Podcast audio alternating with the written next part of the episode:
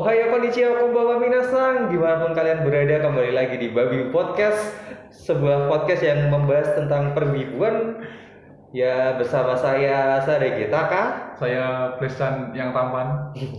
Ya awalnya sih kita kan dulu ngomongnya mau rajin banget ya upload seminggu sekali gitu Yoi. Tapi ternyata akhirnya Dalam perkembangannya sangat sulit sekali bertemu berdua ya.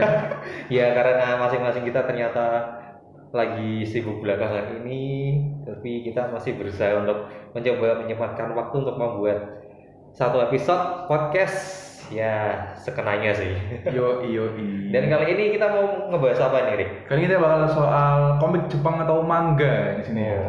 Biasanya banyak banget kan di sini ya teman-teman pasti ngikutin dari seri yang mungkin jadul kayak Berserk atau mungkin HX ya, Hunter x Hunter kayak gitu. Juga teman-teman yang mungkin baru-baru aja ngikutin kayak Boku no Hero Academia atau Ju- Jujutsu Kaisen gitu kan yang baru-baru banget itu pasti ngikutin lah se teman-teman yang mengikuti pop culture Jepang. Nah, Nah, gitu. kalau lu dulu pertama dulu pertama kali mengenal eh baca manga itu dari apa nih seri apa nih Rick? Kalau dulu yang pasti dari seri ini komik Naruto. oh, Cuman dulu tuh kan tahun berapa berarti? Loh, tahun berapa? 2000-an. 2000-an, 2004 awal berarti ya? Iya. Karena dulu itu kan kalau di kereta kan sebelum ini ya, sebelum pedagang asongan dilarang naik ke kereta ya. Kan Hmm. banyak tuh yang jualan majalah-majalah buku komik gitu Oh kan. ada ya, yang Ada, jual ada yang majalah sama koran dingin ya? Ah, di kereta ada yang jual. Kira cuma anu, cuma Jual komik jajanan gitu. Oh, ada yang jual jual komiknya waktu itu kebetulan komiknya tuh Naruto yang volume awal-awal sih yang masih Naruto lawan Sasuke di lembah kedamaian itu Oh. yang awal-awal banget itu Itu berarti lu ngikutin Naruto bukan dari seri pertama ya? Iya Langsung loncat ke seri belasan berarti. iya 11 12 kalau nggak salah volume 12-an lah Hmm, menarik sih itu pertama kali baca manga. kalau masih gini dari kawan nih Kalau seingatku sih dari nganu dari kecil sih itu waktu Wis. masih dari TK sih dulu kan Dari- emang dulu. emang baca hobinya emang baca-baca. Entah itu dari apa sih majalah komik. Ah. dulu sih yang paling eh, yang ya common banget sih dulu Doraemon lah pertama lah buat anak Oh iya, kecil ya sudah pasti. itu yang seri Doraemon seri ya yang serial bukan yang serial petualang sih maksudnya. Yang kayak itu Doraemon lepasan Iya, gitu seri itu cerita ya. lepasan sama Ah, terus juga seri petualang juga koleksi juga dulu terus juga yang dulu juga sempat ada itu seri Doraemon yang satu volume tuh dia kayak berfokus ke satu karakter apa satu tema cerita itu. Yang covernya biru putih seingat gue iya iya iya ada biru putih yang garisnya di atas sama di bawah itu kan? Ya betul. Terus juga habis itu sih ya mungkin eh baca manganya dari kecil sih loncat-loncat sih maksudnya nggak nggak terlalu Ikutin koleksi banget koleksi maksudnya nggak terlalu intensi banget buat Oh. koleksi satu tema satu cerita gitu. Paling ah, beli itu cuma pas kecil ya. Namanya juga anak kecil paling dulu pas Iya beli itu sih, ya. ngambil ngambil yang covernya menarik lah itu lah iya sih yang covernya bagus-bagus. Nggak ngikutin volumenya itu nah detail ya. dan kebetulan waktu itu kan emang taunya Doraemon juga lah. Paling pas ke swalayan atau toko buku belinya mesti yang Doraemon gitu. Hmm. Terus kalau ini Rick, lu ada nggak sih manga yang eh, manga pertama yang lu sangat into banget maksudnya kalau koleksi atau bener-bener mengi- mengikuti banget pertama itu apa? Kalau dulu tuh ya tadi ya lanjut tadi ya Naruto sih udah Naruto. Naruto dalam perkembangannya itu waktu itu juga sempat uh, Koputin itu terbitin Yu-Gi-Oh tapi bukan Yu-Gi-Oh yang card game jadi Hmm? Yu-Gi-Oh yang dia itu masih board game Hmm. jadi Yu-Gi-Oh itu ada, ada dua volume kan yang satu fokus ke card game ya satu fokus ke Yugi dia nemuin Millennium Puzzle-nya terus tapi mainnya bukan main card game mainnya masih kayak board game board game Oh, gitu sama sih dulu kalau gue pertama juga selain Doraemon tuh juga Yu-Gi-Oh yang paling yang pertama banget sangat mengikuti itu Yu-Gi-Oh banget dulu Iya. waktu kelas berapa ya? Kelas 5, mulai kelas 4 5 SD sih itu. Iya. Itu juga karena influence dari teman-teman sih waktu itu kan emang tahun segitu lagi marak kan ya. Iya, Kartu. Yu-Gi-Oh gitu ya. Iya. KW lah itu yang dijual abang-abang depan SD. banyak aja Nah itu kan juga kebetulan waktu itu di SD kan emang deket banget toko buku. Nah bis- langsung kita kalau biasanya pulang sekolah itu kan melipir ke sana buat baca-baca atau ya kalau ada uang jajannya banyak ya belilah langsung itu dan apa ya dulu itu Yu-Gi-Oh koleksinya pertama sih dari volume 10 ke bawah itu emang masih bolong-bolong habis itu waktu ke volume sepuluh sebelasan sampai Iya, tamat itu banyak banget sih. langsung belinya masih rajin banget sih Hmm. beli nggak pernah nggak Di Gunung Agung pun kayaknya yang volume 16, 17, 18 masih ada. hmm. Yang board gamenya dadu kalau nggak salah. oh Ada. board game dari itu kalau nggak salah itu yang tiga itu ya yang setelah melawan Pegasus itu ya Iya, jadi Setelah dadu Pegasus penjara sebelum- bisa keluar sebelum anu bukan sih yang sebelum duelis tahun itu Iya, yang yang ada promo toko kartu atau toko game gitu. Nah, dan setelah itu kan juga juga yang pasar dicuri. si anak mus eh, itu kan emang ceritanya kan kan kalau nggak salah eh yang bikin apa tuh Dice Game itu kan emang musuhan sama Sugoro si kakeknya Ah, Yugi kan iya. itu niatnya emang mau balas dendam tapi akhirnya malah di akhir cerita itu kan malah si anaknya malah teman sama Yugi kan itu Iya, gara-gara itu, gara-gara apa namanya nggak bisa menyelesaikan Millennium Puzzle-nya kan. Oh iya, benar, terpilih. Karena di cerita yang Yu-Gi-Oh yang bukan card game itu banyak yang ngerebutin Millennium Puzzle. nah Termasuk yang lawannya kayak gitu. lupa sih itu namanya siapa tuh Aku lupa anjir karakternya. waktu itu kan emang mangganya Yu-Gi-Oh waktu belum role gamenya itu Iya, masih belum terlalu ribet-ribet banget kan Iya. masih yang basic banget itu Simpel simpel terus juga masih board Nah, game dulu gue juga pernah tuh koleksi TCG Yu-Gi-Oh itu waktu masih awal-awal belum belum yang apa tuh generasi gue itu udah kemasukan kartu apa ya? Ocean ada kayak apa? Elemental Hero Neos. Ah itu yang elemental atau yang sinkro itu udah Ya, sinkro. udah nggak terlalu ngikutin banget nggak terlalu mudeng sih itu. Gue waktu dulu mainnya itu Awal-awal summon-summon biasa. yang monster lah, trap, terus magic lah itu yang ya itu cuma sekedar itu cuma sekedar intermezzo aja soal Yu-Gi-Oh. Oh, iya. Terus apa lagi ya yang mau dibahas? Ya Mas Igi tadi koleksinya apa Oh Sampai yang tadi? Yu-Gi-Oh sih yang paling banyak ng- ngikutin, eh yang paling rajin terus juga dulu pernah nama terus ada Bleach, Bleach Oh iya, itu Bleach. jujur gue waktu itu beli cuma gara-gara kan waktu pertama itu ada bonusnya standing karakter sama Oh iya. pembatas buku. Oh, itu udah lama banget tapi ya. Nah bonusnya itu waktu Bleach itu dia rilisnya bareng sama Death Note. Kalau Death Note emang gue juga belinya sampai selesai sih. Kalau Hmm. Bleach emang waktu itu nggak terlalu beli, maksudnya rajin banget waktu itu cuma satu dua volume doang. menjelang tamat pun kayaknya sempat sempat bolong ya. Maksudnya kayak susah banget dicariin volume Oh, iya. yang 37 apa berapa sempat susah Ini nyarinya. sampai udah sampai lama jauh banget sih Pak ini Pak. Terus Iya. juga One Piece, One Piece juga dulu pertama, pertama beli enggak volume satu Oh. terus habis itu bacanya ilegal. Wah. ya waktu itu belum mudeng siapa itu One Piece cuma asal beli aja sih waktu itu kecil terus juga ada banyak sih gue belinya waktu itu ada saya ingat gue ada Flame of Reka Oh ya, mereka. Terus ada juga- Film of, Film of Reka. yang waktu awal banget itu yang waktu ini kan Flame of Reka juga pernah rilis ulang tapi gue beli belinya waktu dulu banget Film of Reka yang senjatanya bisa jadi lima itu kan sih bentuknya. karena yang si rekanya itu bisa tangannya jadi naga itu pak Oh iya, dengan itu beda beda beda. terus apa lagi ya Eh, saya gue masih banyak sih. Hmm. iya manga-manga shonen maksudnya. Oh iya. Dulu juga ada juga yang dulu tuh waktu gue beli- pernah langganan majalah. Ya di majalah itu juga dia pernah beberapa kali ngasih hadiah komik-komiknya sebagai bonus di volume-volumenya sih. Saya ada Pokemon juga. Oh iya Pokemon itu dulu pernah ada sih. Pokemon yang versinya maksudnya versi lawak banget itu. Si karakter utamanya tuh di komik itu ada si Pikachu jelas terus ada Ali Iya. sama Clefairy Oh juga. iya, yang namanya Ali ya. itu juga official itu sebenarnya official tapi lucu banget sih itu Iya, itu, makanya. itu kan yang versi CTV juga kan namanya Ali. Satu Iya, sini benar. namanya Ali kan.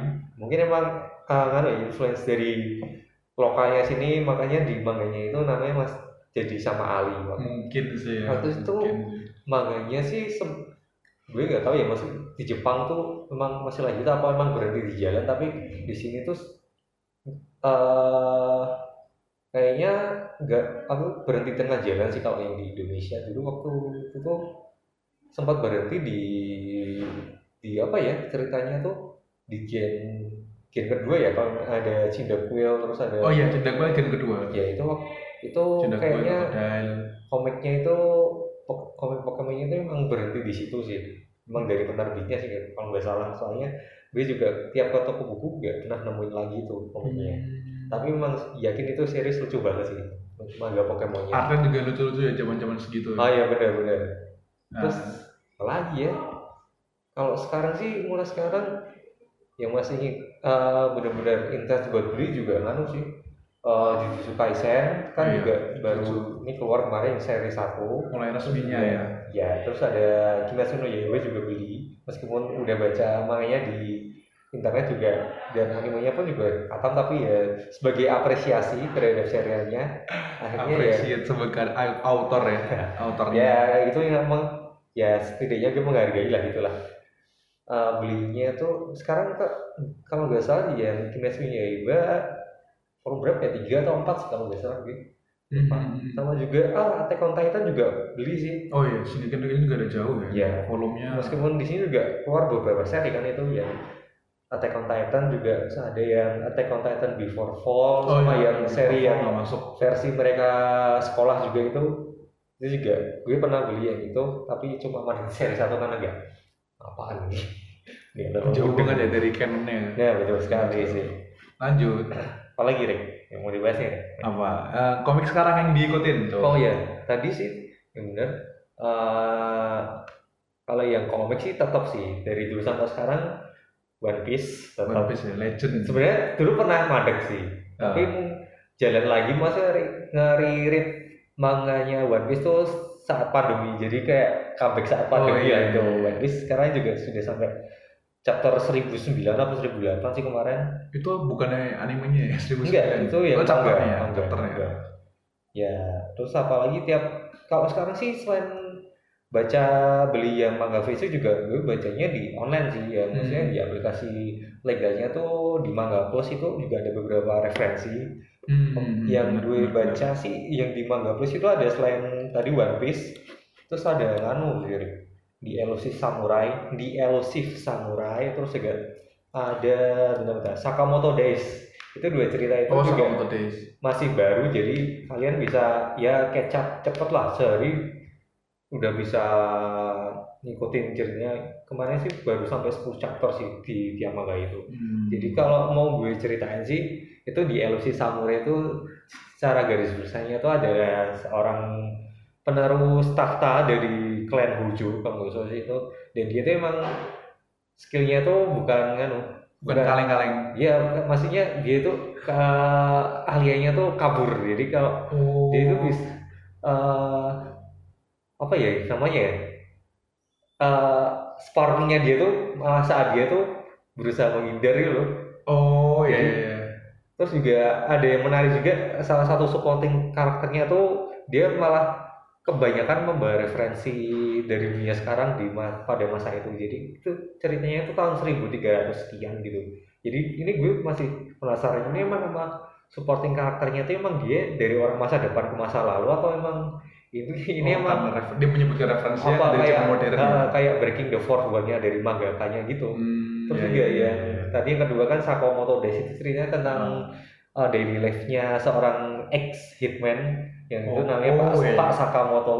Yang akhirnya malah dia malah terjun lagi ke Dunia dunia, karena salah satu dulu partnernya itu dia malah uh, menemukan Pak Sakamoto dan ingin mengajak kembali ke Dunia dunia, hitamnya dulu gitu. Tapi malah ceritanya lucu sih itu.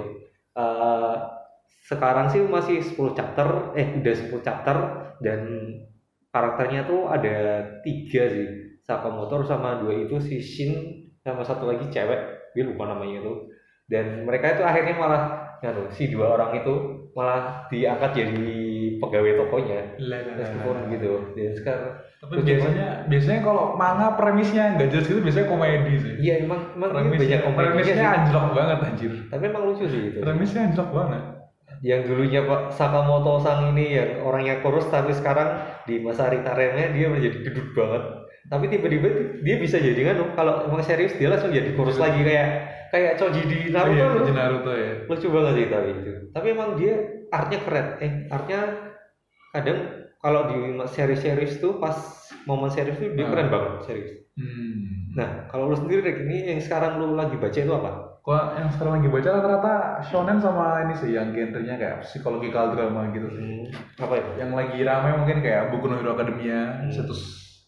Ya situs ilegal maupun beli yang bukunya ya. Terus kemudian ada juga yang sempet rame tahun kemarin ya ada Chainsaw Man, terus juga ada Shonen no Abisu. Apa itu? Ya bahasa Inggris, bahasa Inggris apa ya? Eh, Boys Abyss.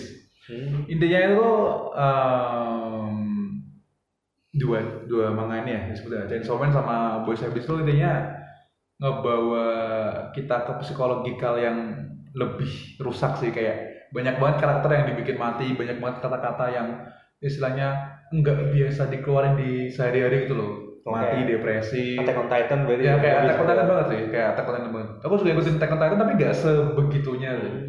soalnya kalau Attack on Titan kan emang karena dia backgroundnya perang ya Hmm. dan si Isayama Hajime juga ngebawainnya begitu real dan surreal ya. Ada pertempa- ada perbatasan di situ dan hasilnya Attack on Titan. Tapi kalau eh, dua manga tadi Chainsaw Man sama Shonen Abyss itu dia nggak ada batasannya tuh nggak jelas gitu loh. Antara real sama surreal tuh nggak jelas. Jadi banyak banget karakter yang dimatiin. Banyak banget istilahnya kayak organ-organ kayak gitu.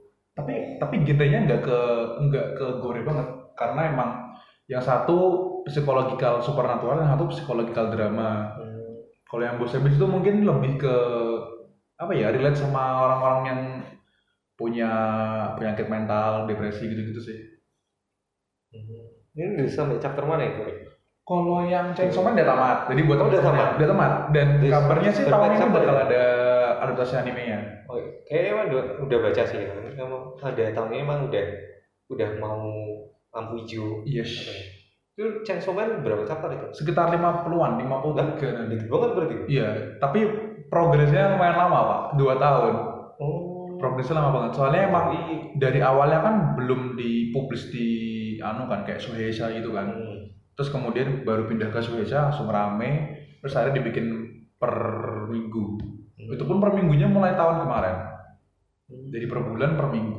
Gue juga sempet anu sih lihat beberapa chapter tapi belum sampai tertarik sama ke Chainsaw Man mungkin kalau ngomong udah selesai Iya. mungkin bisa gue kejar sih itu ceritanya. Penasaran sih terus Dan- juga studio juga bagus pak yang bikin pak. Apa sih? Studio apa oh apa yang bikin Jujutsu ini ya? Kaisen yoi. oh ya tahun tahun ini ya tapi tahun ini musim gugur berarti ya kalau enggak yes kemungkinan fall atau winter sih. Hmm, I see I see. Terus apa lagi nih? Terus yang kemarin ya yang kemarin yang tadi Boys Abyss itu dia chapter terbarunya 44 sih. Hmm. Kenapa aku bilang psikologikal drama? Karena eh, progres karakter yang dari kehidupan biasanya normal itu gitu ceritanya apa sih premisnya apa? Itu sih premisnya sih eh, kalau sinopsis singkatnya sih intinya ada karakter karakter kan namanya Reiji terus Hmm. dia kayak eh, antara bingung dia mau pindah ke luar kota atau tetap tinggal di kotanya bantuin ibunya ngurus neneknya segala macem. Terus dia mulai kayak ngerasa eh, bingung depresi anxiety gitu gitu kan. Terus tiba-tiba dia diajak sama seseorang buat ngelakuin kalau namanya apa ya? Bahasa Inggrisnya apa? pokoknya bunuh diri bareng lah oh. sama cewek gitu. Terus oh di klub kan ada satu perkumpulan gitu berarti? Eh, enggak sih. Nah ini ketemunya juga enggak langsung. Ada progresnya juga. Hmm. itu makanya bagusnya di situ. Jadi eh, dari pikiran orang normal yang awalnya kayak oh iya nggak apa-apa masih bisa dipikirin nanti segala macam terus tiba-tiba di premisnya si bos Abyss ini tiba-tiba karakter yang tadinya nggak apa-apa sama suatu hal jadi sensitif gitu. Dia jadi makin makin dark makin dark makanya disebutnya boys abyss kan abyssnya cowok itu Hmm. sisi gelapnya cowok itu dan ternyata dalam perjalanan chapternya menuju yang terbaru ini nggak cuman dia doang yang ada abyssnya itu Jadi tiap karakter itu juga punya ambisinya Yes. masing-masing berarti. betul sekali Gue bingung juga ya, males juga pergi. Ya. bingung banget Kalau nggak terlalu pintu tentang permasalahannya mungkin. Ya, Nah.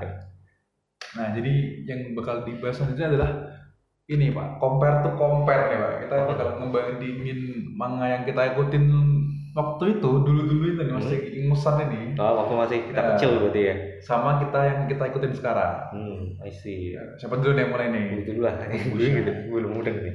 Serius. Kalau yang dulu itu mungkin premisnya jelas kali ya, kayak contohnya mungkin Naruto, terus Hunter x Hunter, Yu-Gi-Oh.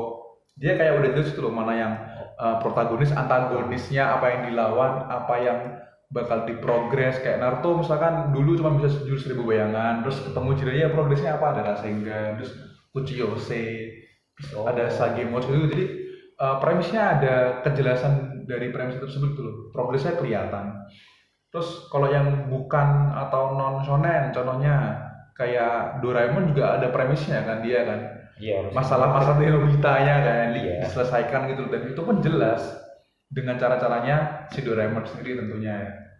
Nah, cuman eh, makin ke sini entah kenapa premisnya itu cerita dari tiap-tiap manganya ya ya. itu jadi malah dibikin dark gitu Hmm, mungkin emang lagi tren ya mungkin lagi tren juga ya apa emang dari penggalian cerita dari tiap tahun makin ke belakang itu juga makin iya mungkin orang-orang makin bisa menemukan caranya mungkin juga karena mangaka ya merasa eksplisit atau Yes, eksplisit banget. ya. mungkin eksplisitnya mereka pengen ada hal yang beda dari manga manga manga sebelumnya kayak gitu jadi mereka makanya bikin misalnya apa ya ide baru mungkin. Tapi kalau dibilang ide baru juga enggak sih kayaknya. Ini mungkin gara-gara saya Hajime sih gara-gara Shingeki no Kyojin sih ya yang mempopulerkan pola-pola cerita yang dark shonen yang dark kayak gitu. Terus tiba-tiba ekspektasi penonton dianjlokin gitu aja. Hmm, ya itu emang dulu sih waktu itu. Oh, baca Banyak baca. Attack on Titan ini isinya depresi kan. Selain dari gambarnya waktu pertama rilis ya, itu Yes, kan emang bikin parah banget jeleknya bikin depresi Wah, itu banget. Emang depresi banget sih artnya sih. Mungkin emang itu ya salah satu penunjang ceritanya itu emang dari art style mangakanya yang bikin. Terlebih Oh. yang di Attack on Titan emang saya emang dulu kan emang ceritanya kita nggak tahu tuh apa itu Titan itu apa emang emang pertama kira itu emang monster. Monster ya emang pure monster tapi Yes, ternyata emang di belakang eh, ceritanya kan makin meluas kan malah Ditambah- sampai oh, Oh iya, permasalahan sampai politik-politik negara. luar negeri Iya. gitu kan. Gue kira emang dulu pertama kan emang action banget sih Mm, action banget bunuh-bunuhan gitu deh. iya Jinrui Terus juga emang waktu itu kan juga pas momen itu kan Levi Levi kan juga emang pertama tanya kan Hmm. apa selama ini kan gue ngebunuh sesama manusia gitu. Oh iya, Levi juga sempat nanya ya. Itu kan emang bikin psikologikal banget itu emang Yes, bikin betul orang si Levi-nya itu emang sampai harusnya bikin kepikiran sih. Banget, banget, banget lah. Apalagi kan waktu uh, kita agak melenceng ya. Ah. Ya waktu di animenya juga emang gue kan emang ngikutin juga animenya meskipun sekarang masih uh, tamat di tengah-tengah dan akan dilanjutkan tahun depan. Karena Yoi. waktu itu si Levi sama Zig eh waktu Levi masih ngamanin Zig di satu hutan kan emang dan ternyata emang si Zig itu punya rencana buat Oh iya. eh, meracuni inde tanda dalam Tanda kutip meracuni seluruh pasukannya Levi dengan spinal fluidnya dia biar jadi Tyler kan itu memang re- depresif banget sih kalau gue di posisi Levi itu harus ngebantai seluruh anak buahnya buat bisa nangkap Zeke itu gila Iya. sih itu Pengorbanannya gede banget. iya Terus ditambah juga art style-nya si Isayama Hajime itu selain dari ini ya, arsirannya ya. Hmm. Itu tuh kelihatan banget satu eh, tempatnya ya. Kan tembok tuh. Hmm. Itu buat beberapa orang yang misalkan dia baca sambil bayangin lingkungannya gitu, itu benar-benar gak nyaman sih. Karena kamu hidup dibatasin gitu kan. Itu yang pertama. Kedua, kalau kamu perhatiin secara detail, itu artnya Isayama Hajime itu dia itu cahayanya dikit banget kalau kalian lihat. Jadi gradasi cahaya biasanya hitam pekat, Hmm. terus agak abu-abu baru putih kan. Atau ada detail lagi pokoknya sekitar lima lah gradasinya. Isayama cuma 3 sampai 2. Jarang banget dia pakai 4 gitu jarang banget. Makanya itu yang istilahnya eh, bikin artnya Attack on Titan berasa beda tuh di situ sih. Dan mungkin juga jadi perhatian beberapa mangaka juga sih kayak eh Jujutsu Kaisen juga kan mulai berubah ya artnya ya. Makin ke sini Hmm. kalau eh, tempat-tempat dia bertarung kayak digorong-gorong segala macam itu vibes eh pressure-nya itu lumayan berasa sih, pressure-nya. Nah, kalau lu bandingin Jujutsu Kaisen antara manga sama anime itu dia di compare secara art style ya, Ya. dia sama nggak maksudnya lebih baik yang mana? Kalau kalau jujur kan belum baca Jujutsu Kaisen Ah. secara di online ya. Dia bacanya waktu ini waktu rilis pertama di Indonesia ini baru Hmm. volume satu kalau lu bandingin kom, type anime sama manganya tuh dia hampir sama nggak? Beda sih sebenarnya sih. Eh, manganya lebih lebih berantakan sejujur ya. Hmm. tapi premisnya tuh jelas. Jadi kita pembaca pun jadi semakin tertarik sih. Jadi art saya sebenarnya kalau dibilang rapi ya nggak rapi banget. Malah mungkin kalau dibandingin sama Attack on Titan yang sebegitu parahnya gitu goreng gitu Hmm. lebih rapi. Isayama Hajime dalam menggambar ya. Oh. bahkan kalau dilihat juga tata letak teksnya kan agak rusak. Hmm. teks banyak banget kan. Satu panel kayak banyak banget percakapannya. Tapi di anime dipotong-potong jadi ya gitu sih. Lebih lebih lebih rapi saya sama Hajime kok dibandingin. Nah, kalau ngomongin itu kerapian, kalau Hmm. di namanya gue satu pribadi sih ini dari yang punya art style beda banget dari manga sama anime itu Mesuna Yaiba. Oh iya, Ini kan gue udah baca beberapa ya sampai tamat lah itu antara anime sama manganya itu beda banget sih itu art style-nya. Yes. Apalagi kalau waktu lagi eh, ceritanya itu di scene-nya itu waktu banyak orang di manganya itu kelihatannya banyak jelek banget sih itu. Iya. Iya jujur ya ini jelek banget sih itu. Maksudnya penggambarnya tuh dia si mangakanya itu gambarnya seadanya gitu loh.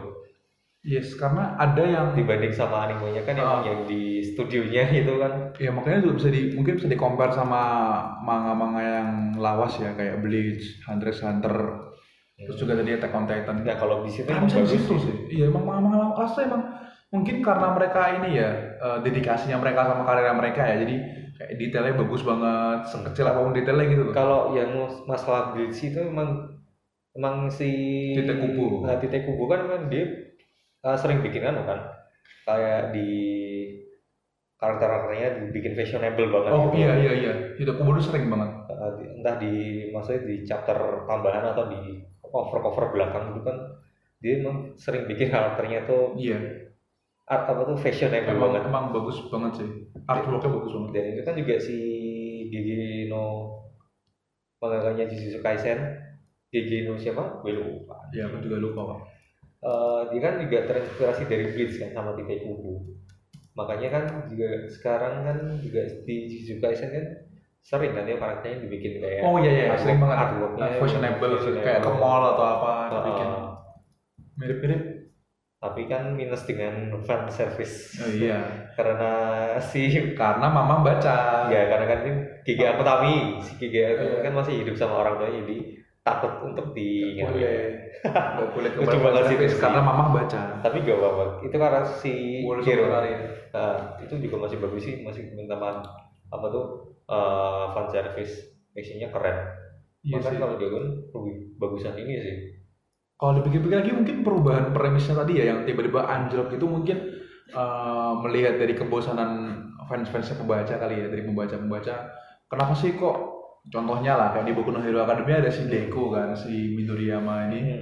Mungkin si Midoriya ini eh, apa namanya di bagi pembaca dia tuh kayak kenapa bahagia terus sih kenapa ceritanya flat banget sih. Nah mungkin dengan bikin ceritanya agak anjlok merusak ekspektasi pembaca mungkin dari situ eh, ya bisa terlihat berkembang lagi makanya. Mungkin kayak gitu sih. Hmm. contohnya juga mungkin ada contohnya juga eh, tadi Jujutsu Kaisen yang karakter tuh beberapa kali mati ya Hmm. dibikin mati si sering banget Itadori kan Iya kan, sering banget dibikin mati itu. Nggak cuma sekali. Jadi kayak ya mungkin tuh bagian dari membuat pembaca yang terkejut atau Karakter development. menduga-duga. Yes. mungkin dengan kematiannya si Yuji itu kan dia bikin eh, teman-temannya itu ya berkembang lah maksudnya Iya betul sekali. Tapi ya nggak banyak karakter dibunuh juga sih dengan dengan kayak gitu sih. kalau yang itu yang bikin PHP sih yang di Jujutsu Kaisen kan di versi animenya kan di opening si siapa itu lupa gue sih Jamet itu ya Iya yang jamet yang pertama kan masuk Di- masuk ke sekolah. ya yang di Jujutsu. yang, yang di yang di opening pertama itu kan Iya. juga ditampilin gitu kan Nampilin masuk sekolah. halaman di, di sekolah di Jujutsu-nya itu tapi akhirnya Ternyata. malah kan maksudnya itu kan PHP banget gitu men waktu gue Yes. dia juga ngikutin loh itu di manga eh di animenya kalau di manganya masih belum sampai sini ah ini kok mati sih Iya. ya ini Makanya banget menurutku ini. juga bagian dari ini sih. eh, Junpei gitu. perubahan. Iya Ya. Junpei, Junpei-nya.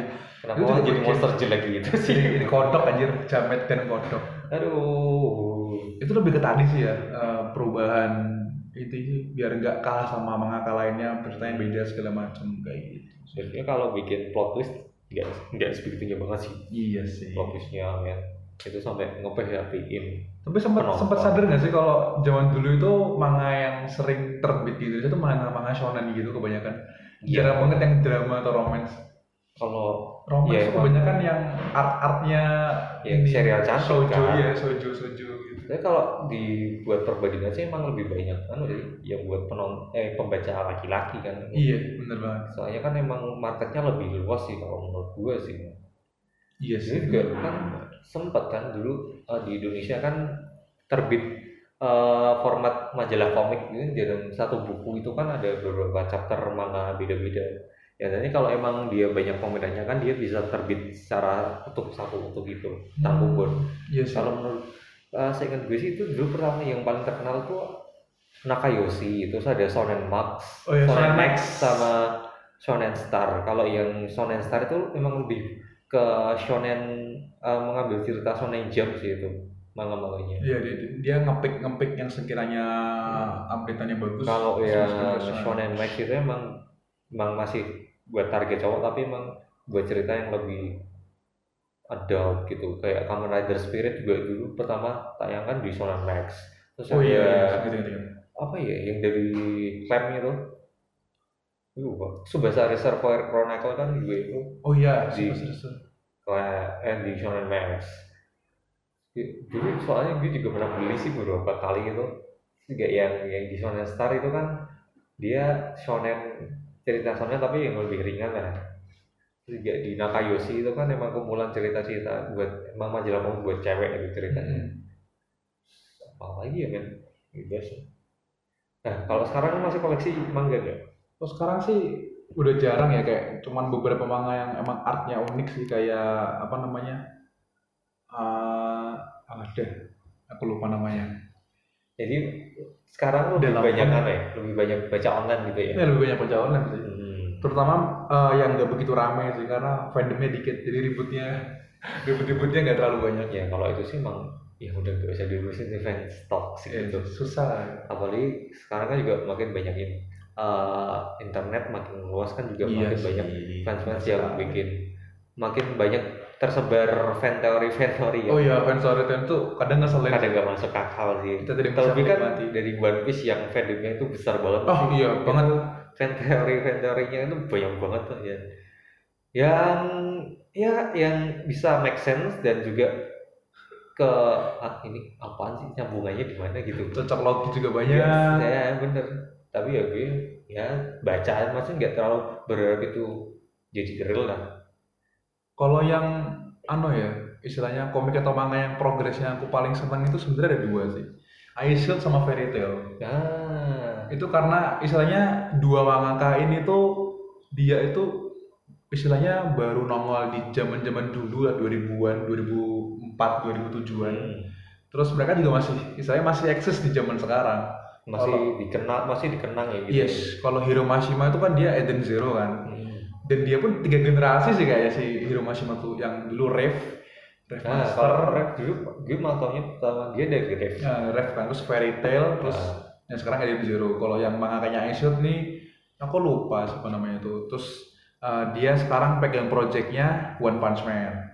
oh iya yang maksudnya yang eh mang One Punch Man One Punch Man yang bukan versi webcom kan bukan, Bukan. dari kreator aslinya kan Yes, yang tapi yang yang ini itu Pak, bagus sih adaptasinya apa?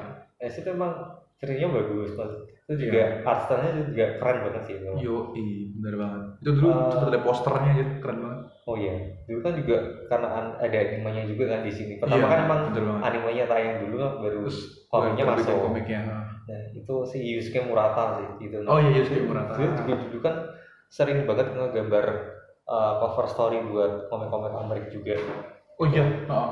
Yusuke Murata itu dia emang sih dia luar biasa gile ah itu bagus banget. Cuman sayangnya itu progresnya emang lama. Jadi Hmm. kayak dulu Ice Shield terus One Punch Man ketika yang lainnya berlomba-lomba update seminggu sekali si Yusuke Murata ini sebulan sekali maksudnya ya my face banget lah dia Iya, karena- terlalu dia emang detail banget sih tapi respect buat editornya ya ya terlalu menekan dia gitu iya ngeri banget sih sabar telaten ya, tapi itu kan uh, itu udah tamat kan? Ice Shield udah tamat chapter 333 hmm. Hah? oh 300 333. Gue kira di volume 300 enggak pak Shield ya, Tiga, bagus. tiga, oh tiga. iya. Itu selain manga olahraga yang lo ikutin selain Ice itu apa? Apa ya? Haikyuu lah. Oh oh, tuh itu udah pasti. Absolut banget ya. Absolut orang, absolut sih. orang sekarang baca. Kamu nggak nggak suka tapi jujur gue apa? nggak pernah baca sama sekali. Atau apalagi baca anime nonton animenya nggak pernah? Aduh, kamu harus coba membaca Haikyuu lah. Hmm. ya itu udah sampai mana sih? Haikyuu udah tamat sekarang? Manganya? Udah tamat kalau animenya? Animenya masih ano apa lomba tingkat nasional. Udah sampai season berapa sih? season 4 tapi Wow. baru baru second court It's a long way to follow masih jauh banget sih story. iya sih, jauh banget sih. Ya, mungkin itu ya IQ sama IQ 21 doang ya, Yes. yes. olahraga ya. yes Nah kalau dulu dulu apa ya? Subasa nih, Kapten Subasa. Tsubasa. Meskipun itu ceritanya gue bacanya lepas-lepas sih, maksudnya loncat-loncat. Eh, Waktu masih tahun 2002 itu, Roto 2000 2002 cerita Subasanya. Waktu itu kayaknya yang terbit di sini tuh yang bikin bajakan sih, maksudnya bukan terbitan resmi sih. iya sih Kelihatan dari nganu dari kertasnya. sekian sekianannya juga. Terus apa lagi ya bang olahraga ya? biasanya kalau orang-orang jadul biasanya slam dunk pak Oh iya. slam dunk slam dunk dulu sempet terbit Iya. cuma slam berapa sekarang udah lupa. terbit ulang kan? Sekarang terus dan kayaknya iya ya itu legend sih itu. Slam itu dunk. legend sih bahkan aku masih inget tuh slam dunk Oh. Dan itu kan juga ceritanya waktu masih dulu anime olahraga belum banyak jurus, belum ada iya jurus lah malah. belum belum ada istilah zone apa atau itu satu gerakan dia punya nama khusus tuh juga enggak. enggak sih belum belum di Maksudnya waktu anime eh manga olahraga zaman dulu kan emang dibikin se hampir mendekati serialitis mungkin kan. iya makanya Bukan eh, tanpa ada yang lebih banget sama sekarang Iya gitu. Cuman kalau dipikir dulu itu karena mungkin uh, biar menarik harus dikasih sampingan apa kayak slam dunk kan dia sampingannya kan ada romansnya, Hmm, ada kan kehidupan sekolahnya, ada interaksinya. Kalau sekarang kan mungkin karena biar terlihat lebih fokus makanya lebih spesifik kayak volley ada istilah apa, ada istilah Hmm. spike, ada istilah block, Dan kalau sekarang gitu. ya kan memang maksudnya dia punya jurus-jurusnya, jurus spesial dari Iya itu juga karakter. itu juga kayak udah jadi hal wajib bukan sih buat istilahnya Hmm. komik sport sekarang. Iya sih. Even di sepak bola pun, eh kalau yang dulu pertama pelopor kan itu Subasa. Iya, gitu. Subasa sih yang pelopor. Meskipun dia juga mesti agak antara di antara realistis sama enggak sih itu. Meskipun emang kaki- kaki-kaki pemainnya itu emang panjang banget sih itu loh gitu. wajar. 3 meter atau 4 meter itu ya. Tapi kalau gue lihat sih yang manga sport dulu sama sekarang itu targetnya beda kan. Target marketnya itu Oh iya. kalau sekarang kayaknya lebih banyak cewek sih ya yang banyak kalau gue lihat di di media sosial maksudnya yang banyak mengikuti atau banyak menghypekan ceritanya itu lebih banyak ke cewek sih sekarang. Iya sih kalau dibandingin dulu sama sekarang ya Hmm. terkait sama topiknya kita sekarang itu emang Kalau dulu kan eh kalau yang yang sekarang itu kan ya jelas tuh yang dari Kuroko no Basket emang kan emang Oh. banyak cewek kan Iya ya yang suka banget dibanding yang cowok gitu. kelihatan banget sih itu. Terus juga mungkin kalau agak menceng dikit ada Yuri no Ice itu kan Oh dia iya. ice skating kan dia. olahraga yang sangat tidak no, no- tidak biasa Iya. gitu kita Tapi lihat ya targetnya juga cewek gitu. Iya. Targetnya Cewek. Kebanyakan sport sekarang targetnya cewek. Walaupun oke lah eh, mangaka atau autornya emang dia pengennya targetnya yang bikin eh, sebuah komik bercerita sport gitu kan untuk misalnya nyeritain eh, yang dia tahu, yang pengen dia ulik segala macam. Tapi pada akhirnya juga target yang lebih kena cewek sih Hmm. daripada cowok. kalau yang dulu pertama paling cewek menurut gue ya ini Erik yang manga sport sport slash fighting Oh, karena emang slash. manga olahraga emang juga pertarungan kan gitu kan Iya ada ada klub yang gue yang bikin hype cewek-cewek sih Prince of Tennis itu tahun Oh iya, 2000-an awal Tenis itu kan sama ini itu pelopor cewek cowok-cowok ganteng gitu sama ini Pak yang baseball apa Diamono S dulu itu. oh Demon S Diamond S kan dia juga ini kan Hmm. terkenalnya 2011an kan dia. hmm ya ada anime juga itu ya Ada anime juga. Sampai tiga season apa season itu Diamond S. oh iya Ya, pelopor-pelopor cowok-cowok ganteng itu dua mangaka itu. Hmm. Yang yang populer di Indonesia ya. dan Hmm, kalau sampai sekarang. boleh rekomend sih eh, ada satu mangaka yang dia emang dia bi- bikin beberapa karakter masih cerita dari beberapa olahraga. Hmm. dan namanya tuh Mitsura Adachi dia itu Haji. ya dia per- eh, pernah salah satu manganya itu masuk di itu di manga majalah komik Shonen Max namanya apa ya? Katsu atau apa gitu. Jadi ceritanya itu tentang eh tinju sih. Dan itu juga eh, balance antara sportnya sama daily life-nya itu Oh, dramatik dramatic life-nya itu juga seimbang sih. Dan fun fact-nya dari Mitsura Adachi ini karena dia tuh kalau bikin karakter tuh antara satu manga dan manga yang lainnya itu dia hampir sama sih mukanya Oh Jadi iya sama kayak Hiroshima lah. hmm. Terus kalau compare compare lagi nih, apa namanya? Kalau sekarang itu komedi lah yang Oh, mungkin iya. yang mulai berkembang itu komedi. mangga lawak nih Ya manga lawak. Kalau dulu tuh mungkin Yotsuba, Yotsuba, terus ada Kochikame. eh gimana ada manganya Kochi Kame ada ada manganya. cuma kan dong Cuman dia mungkin karena ini ya seiring serial TV, TV-nya eh, bersiar gitu kan.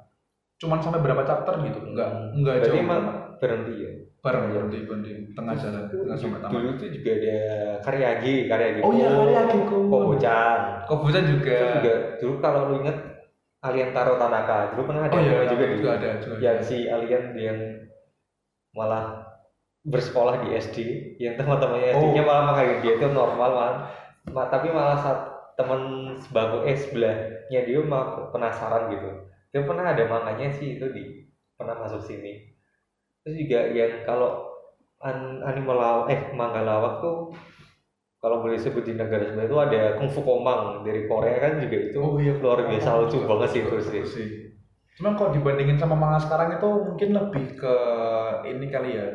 Bagaimana komedinya dibawa sih. hmm. Kalau dulu karya Kikun sama Kobocan itu kan di emang level formatnya kan. empat panel kan Iya, format juga empat panel. Terus juga jokes-jokesnya itu tuh jokes-jokes yang di keseharian gitu loh. Iya. Dan itu pun kita juga kadang masih punchline juga kena gitu sampai nggak sekarang. terekspektasi nggak terpikirkan sebelumnya tuh Iya. kalau karya gitu itu ceritanya jokesnya itu luar biasa Terus juga Yotsuba kan karena kepolosan anak kecil ya. Jadi eh komedinya di komedi itu ya juga empat koma ya jangan koma Iya dia empat empat empat panel sih rata-rata. Cuman ada yang beberapa chapter emang dia full halaman sih. hmm. Kayak pas apa namanya ya namanya anak kecil ya. Hmm. Apa namanya hujan-hujanan kayak gitu sama sama pamannya. Eh paman apa kakak sih? Kakak ya salah. tangga Eh, tangganya ya. Itu eh, keseruan dan kelucuan-kelucuan dia coba di situ. Kalau yang sekarang kan premisnya itu mungkin karena ini ya bercanda-bercandaan atau apa namanya lawan-lawan tongkrongan mungkin udah nggak berhasil ya. Hmm. Jadi yang dilempar itu punchline itu mungkin lebih ke jokes tentang kepolosan anak kecil. Nah kepolosan anak kecil terus eh, apa namanya ya agak berbau dewasa gitu mungkin sekarang yang jokesnya kayak gitu sih. Contoh manganya mungkin kayak Green Blue gitu ya. Oh. Green Blue kan dia bercandanya antara kehidupan kuliah mabok. Terus mabuk-mabukan sama ketelanjangan. Itu udah pasti rumusannya eh, Green Blue tuh itu. Tapi kalau dari dulu lucu sih itu. Ya itu Green Blue meskipun lucu sih. apa manga olahraga tapi itu lucu. Iya. Ada selingannya selingannya olahraga ya. Utamanya oh iya bener. Berarti harusnya manga lawak tapi dengan selingan olahraga ya bukan Nah, olahraga itu selingannya komedi luar biasa. Ulong ti. Nantinya tuh itu bahkan referensinya dipakai di banyak banyak platform sih. TikTok juga ada yang bercandanya kayak gitu. Bahkan apa ya artis-artis luar negeri juga sempat ada yang referensinya ulong nya Green Blue gitu. Luar biasa. Tapi emang pola pikirnya berarti impactnya besar ya? besar banget sih itu. Beda banget sih tapi tapi emang kalau dibandingin sama manga yang dulu bercandanya emang uh, mengikuti perkembangan zaman juga mungkin ya. Karena yang mungkin dipikirnya adalah uh, pembacanya dia yang sekarang ada pembacanya dia yang dulu. Jadi merasa punchline mungkin nggak dapet kan yang dulu. Kalau dipakai di sekarang makanya dia bikin punchline yang eh tapi lebih segar lagi.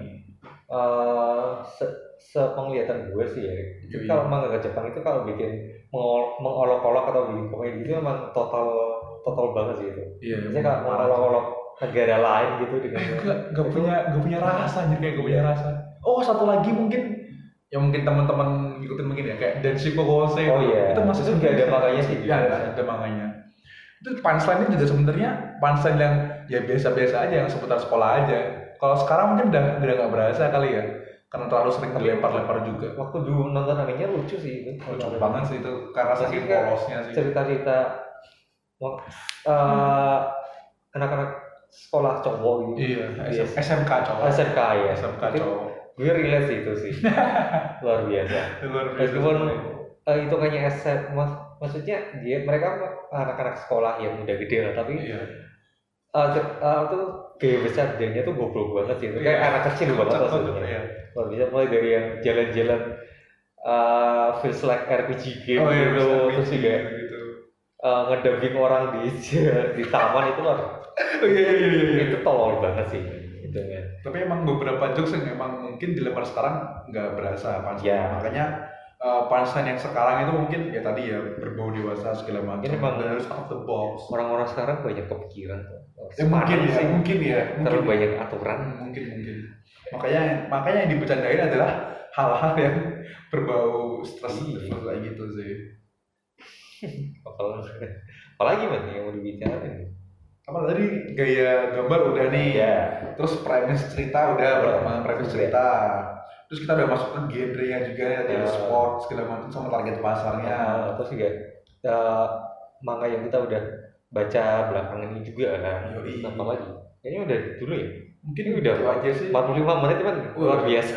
Banyak apa banget men. Wah, kasihan ini Gila. tukang edit- editornya nanti. Udah, Minasan, mungkin itu dulu ya pembahasan manga dari kita berdua ini antara saya sama si Blaze Chan. Yoi men. Eh, ketemu lagi di episode selanjutnya yang kita mungkin mau membahas apa lah, mungkin belum kepikiran sih sebenarnya. Ya teman-teman yang pengen bahas bisa banget. apa?